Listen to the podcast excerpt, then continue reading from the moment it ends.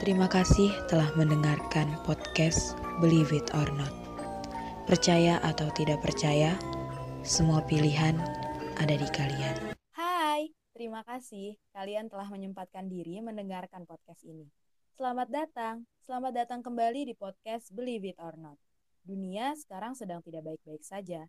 Seperti yang sudah kita semua alami, yaitu adalah pandemi COVID-19 yang meresahkan semua orang sampai di penghujung tahun 2020.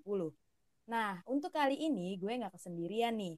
Gue kedatangan tamu yang bakal ngisi podcast bareng gue hari ini. Penasaran gak sih siapa yang bakal nemenin gue hari ini untuk bahas suatu konspirasi bareng nih? Penasaran? Penasaran? Ya, sini gue kasih tahu ya. Namanya tuh Wahyu guys, yaitu temen gue. Nah, tapi untuk nama panggilannya sendiri biasa dipanggil Wahuy.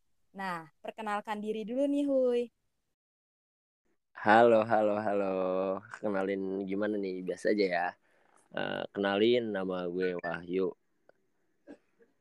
Status gue udah sold out udah itu aja paling yang bisa gue kenalin oke oke oke lanjut lagi ya guys ke topik jadi nih gue mau jelasin dulu nih basa-basi busuk dulu lah ya di awal jadi di tahun 2020 ini seluruh dunia harus dihadapi oleh kenyataan yang pahit nih mengenai pandemi COVID-19 yang menyerang hampir ke seluruh dunia. Keresahan mengenai pandemi COVID-19 sudah dimulai dari akhir tahun 2019 nih sampai dengan penghujung tahun 2020 ini banyak hal yang berubah akibat adanya COVID-19 ini. Hal-hal yang biasa di tahun sebelumnya menjadi hal yang tidak biasa. Seperti keluar rumah, berkumpul bersama teman, dan menghirup udara bebas tuh udah nggak bisa guys, gara-gara harus terhalang oleh masker. Nah, akibat dari pandemi COVID-19 itu melahirkan banyak sekali konspirasi-konspirasi baru. Seperti ada yang bilang nih bahwa COVID-19 itu sudah direncanakan sebelumnya ada yang bilang juga bahwa COVID itu dikirim oleh manusia juga untuk tujuan menghancurkan ekonomi. Dan masih banyak lagi konspirasi-konspirasi lainnya. Nah, konspirasi ini tuh menurut gue sangat menarik ya guys. Karena dari diri gue pribadi nih, ada beberapa hal yang gue tuh merasa janggal gitu loh. Mulai dari awal terjadinya COVID-19 tuh dan banyak lagi tuh ada hal yang janggal menurut diri gue. Nah, banyak juga nih yang membicarakan mengenai pandemi COVID-19 ini jadi tuh bilang bahwa sebelumnya itu kayak udah direncanain keberadaannya. Contohnya seperti pernyataan Bill Gates beberapa tahun yang lalu. Nah gimana nih Hui menurut lu tentang hal ini? Kalau menurut gue nih ya, jangan terlalu jauh-jauh kita bahas ke sana. Uh, gue mau nanya balik nih, lu tahu gak sih pengertian konspirasi menurut KBBI itu apa? Kalau nih ya, se sejujurnya, sejujurnya gue nggak belum nyari tahu, tapi kalau misalnya dalam pikiran gue sendiri, konspirasi itu sesuatu hal yang kadang di luar nalar atau yang kadang tuh tidak sesuai dengan kenyataan yang ada gitu loh. Kalau menurut gue ya. Terus gimana nih Huy? Bisa, bisa, bisa. Tapi kalau yang gue cari di Wikipedia ya karena gue takut salah nih. Uh, penjelasannya kayak gini, konspirasi adalah teori-teori yang berusaha menjelaskan bahwa penyebab tertinggi dari satu atau serangkaian peristiwa yang uh, seperti pembahasan dari politik, sosial atau sejarah yang biasanya ini bersifat rahasia, sering kali memperdaya, direncanakan diam-diam oleh sekelompok orang-orang. Intinya sih kayak gitu sih. Lu ada gak sih yang dari diri lu pribadi tuh lu merasa janggal dengan adanya COVID-19 ini sendiri gitu? Kalau menurut gua pribadi nih ya, ini opini gua ya. Uh, ada bahkan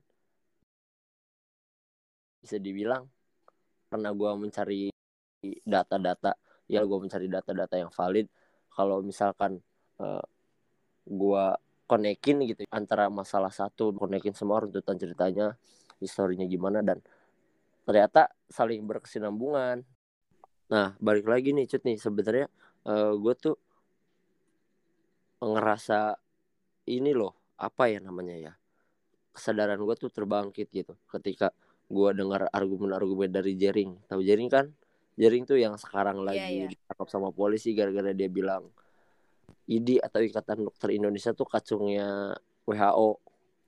Nah, kalau misalkan yang gua tangkap nih dari argumennya Jering, dia cerita banyak hal. Jadi uh, sebelum COVID yang kayak sekarang nih, jadi kan sebelum sebelum ini kan dia udah sempat diskusi juga nih sama Dokter Tirta ya perihal uh, apa yang apa yang terjadi di lapangan jadi awalnya mereka sempat debat tuh dokter Tirta sama Jaring nih ini gue agak-agak agak-agak melipir ya ke masalah Jaring dulu nih soalnya Iya, iya, sok. ada sangkut pautnya juga sama Jaring kenapa gue uh, punya pola pikir ke sana juga karena Jaring juga sebenarnya bukan bukan berarti dengan Jaring ngomong kayak gitu gue dia menggiring opini tapi gue mikir juga pakai naluri gue pakai logika juga loh gitu Iya, Jadi, jadi, berpikir uh, dua kali lagi ya nih. lu ya.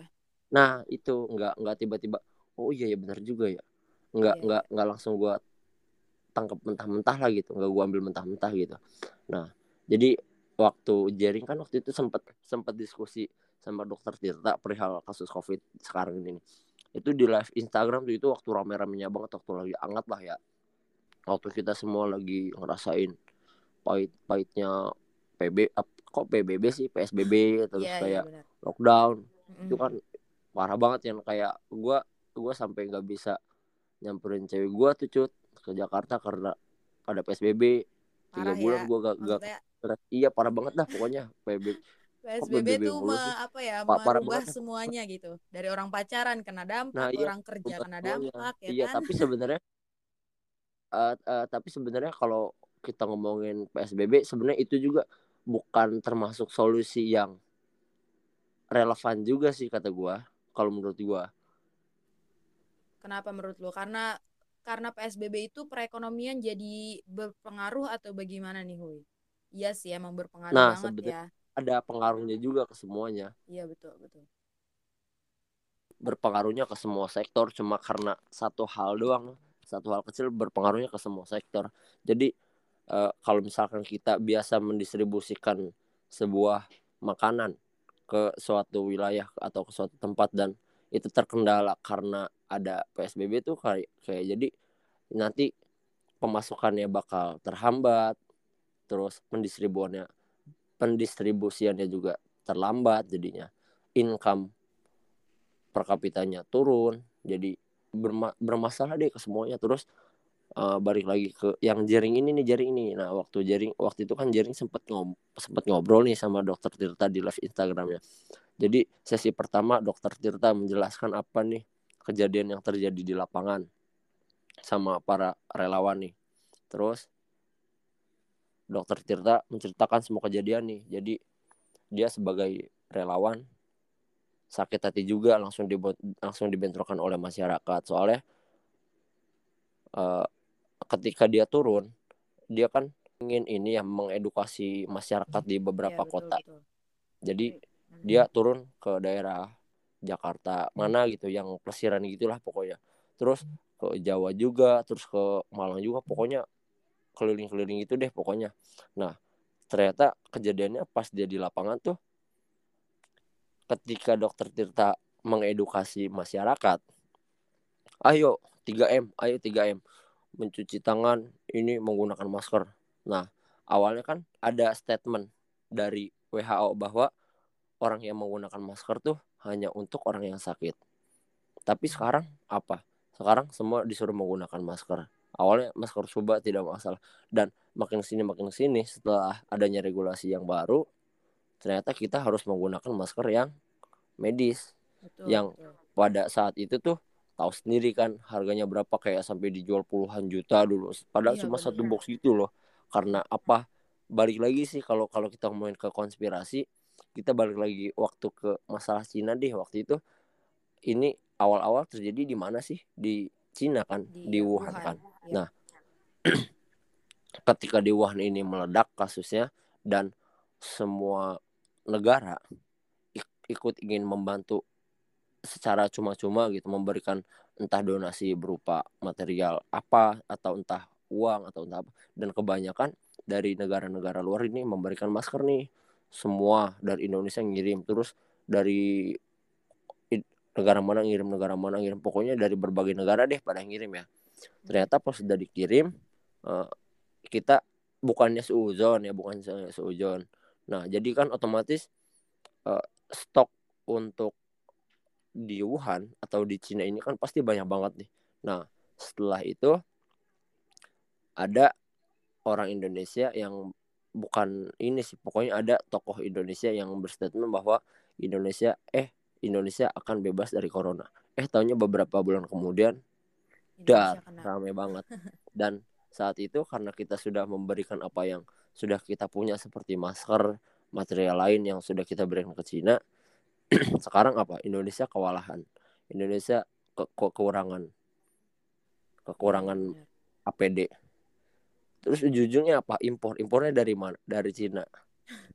Balik lagi ke Cina kita. Balik lagi ke Cina dan eh, waktu dari negara luar ngirim ke Cina itu dia ngasih stok APD tuh sesuai dengan ini loh sesuai dengan standar, sesuai dengan standar kesehatan, sesuai iya. dengan standar kesehatan. Tapi ketika Cina mau beri bantuan ke negara-negara seperti ke Indonesia dan itu diimpor loh, itu Iya, kita iya. beli dan kualitasnya ya sebagus yang kita kirimkan. Nah, itu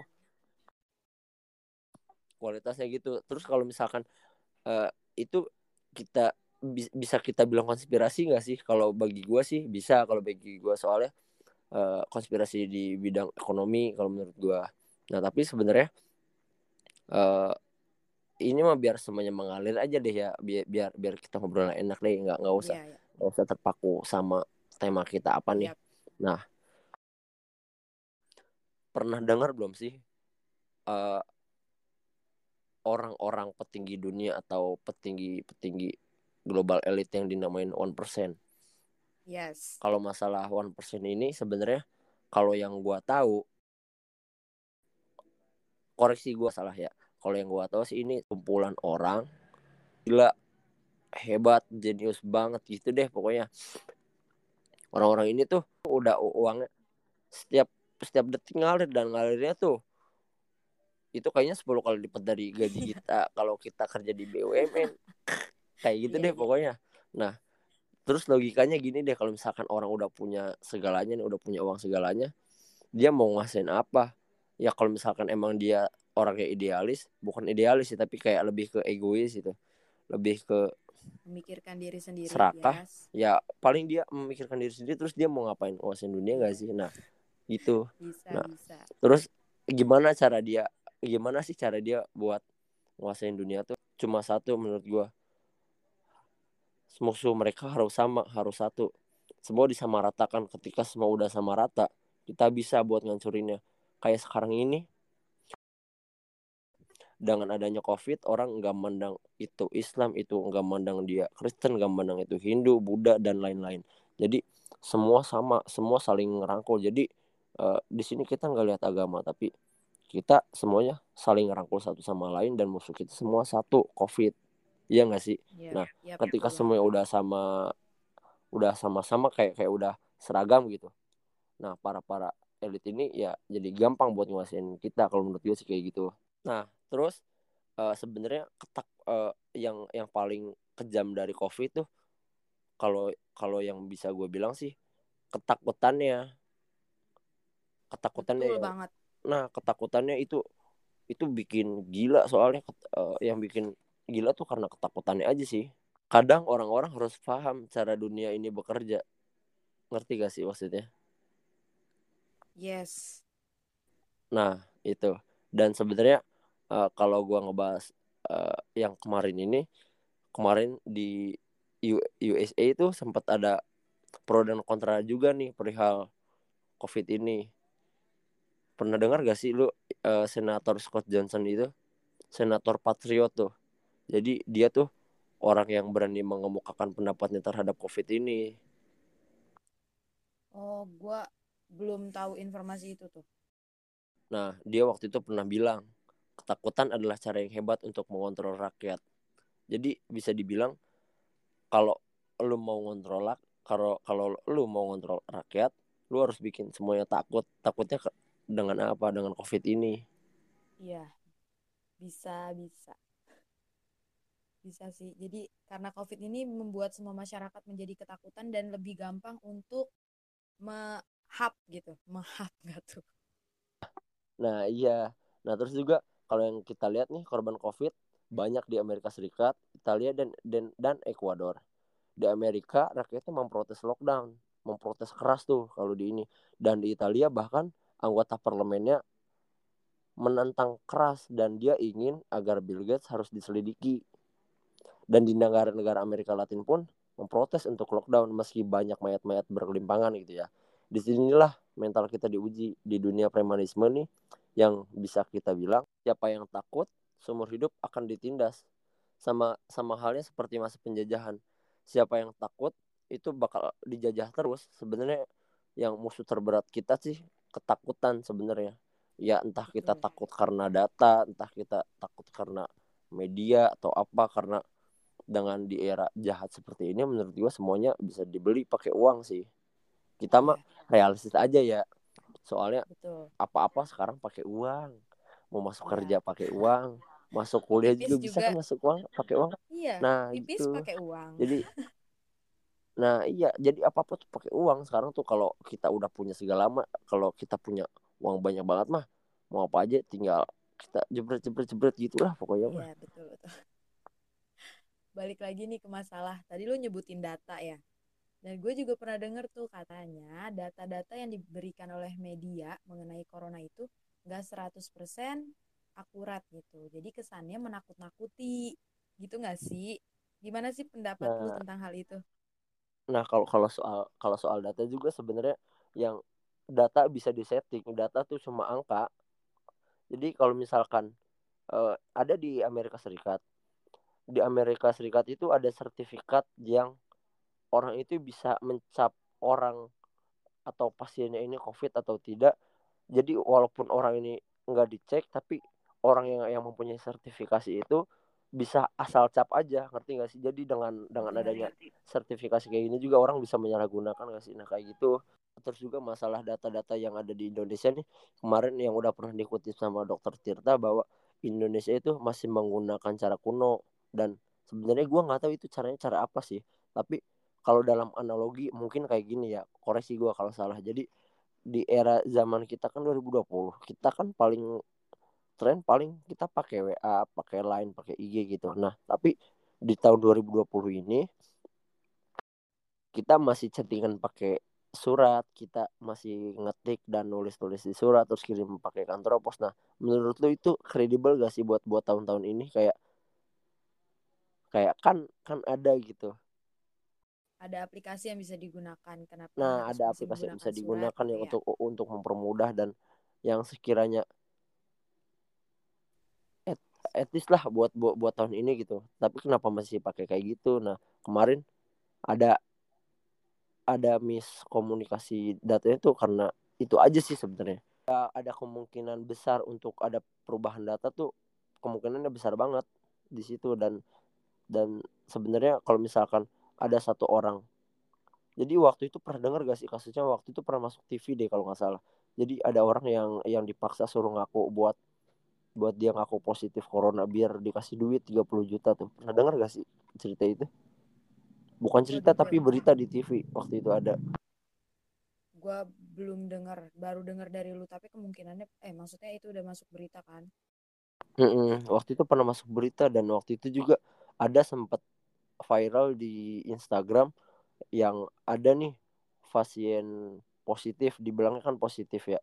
Terus dia dimakamin secara secara COVID. SOP yang berlaku hmm. gitu ya sesuai COVID yang sekarang dibungkus semuanya nah dari pihak keluarga tuh pengen ini cut nih ceritanya jadi pengen pengen di entah pengen dilepas atau pengen lihat mayatnya jadi dikubur di, galinya kuburnya digali lagi gitu ya udah digali lagi pas waktu udah dilihat matanya udah nggak ada dua-duanya terus jadi kayak malah diambilin gitu dalamannya loh iya, nggak disalahgunakan gitu ya maksudnya. nah iya pernah lihat gak sih berita itu waktu iya, itu di tahu, Twitter? gua tahu, gua tahu, gua tahu, nah itu ngeri banget sih ya.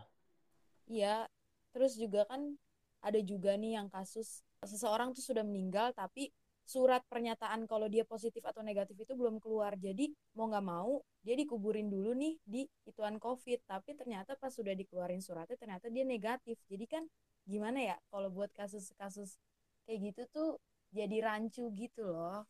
Nah iya jadi rancu juga. Jadinya jadi apa ya uh, ketika ada orang yang dimakamkan dengan proses covid orang juga pasti mikir oh mungkin ini covid. Tapi taunya setelah surat rujuk bukan surat rujukan sih tapi surat dari nah iya surat hasil tesnya keluar ternyata negatif. Kebanyakan Iya. emang kayak gitu yang terjadi di lapangan tuh. Dan Iya, gue juga makanya. nggak bisa nyalahin uh, pihak pihak medis medisnya juga karena pihak ya. medis karena itu juga bisa dibilang kayak jaga-jaga nggak sih karena karena dia jaga-jaga juga sebenarnya was-was Iya. wanti gitu. makanya dia melakukan seperti itu karena uh, melihat melonjaknya status covid sekarang ini Ya jadi lebih menjaga-jaga. Jadi ya udah caranya seperti itu gitu ya. iya kayak gitu permasalahannya sih karena kekhawatiran ini yang yang bikin orang imunnya melemah nah jadi waktu itu juga gue pernah dengar orang yang positif covid terus dia di karantina nih di wisma atlet.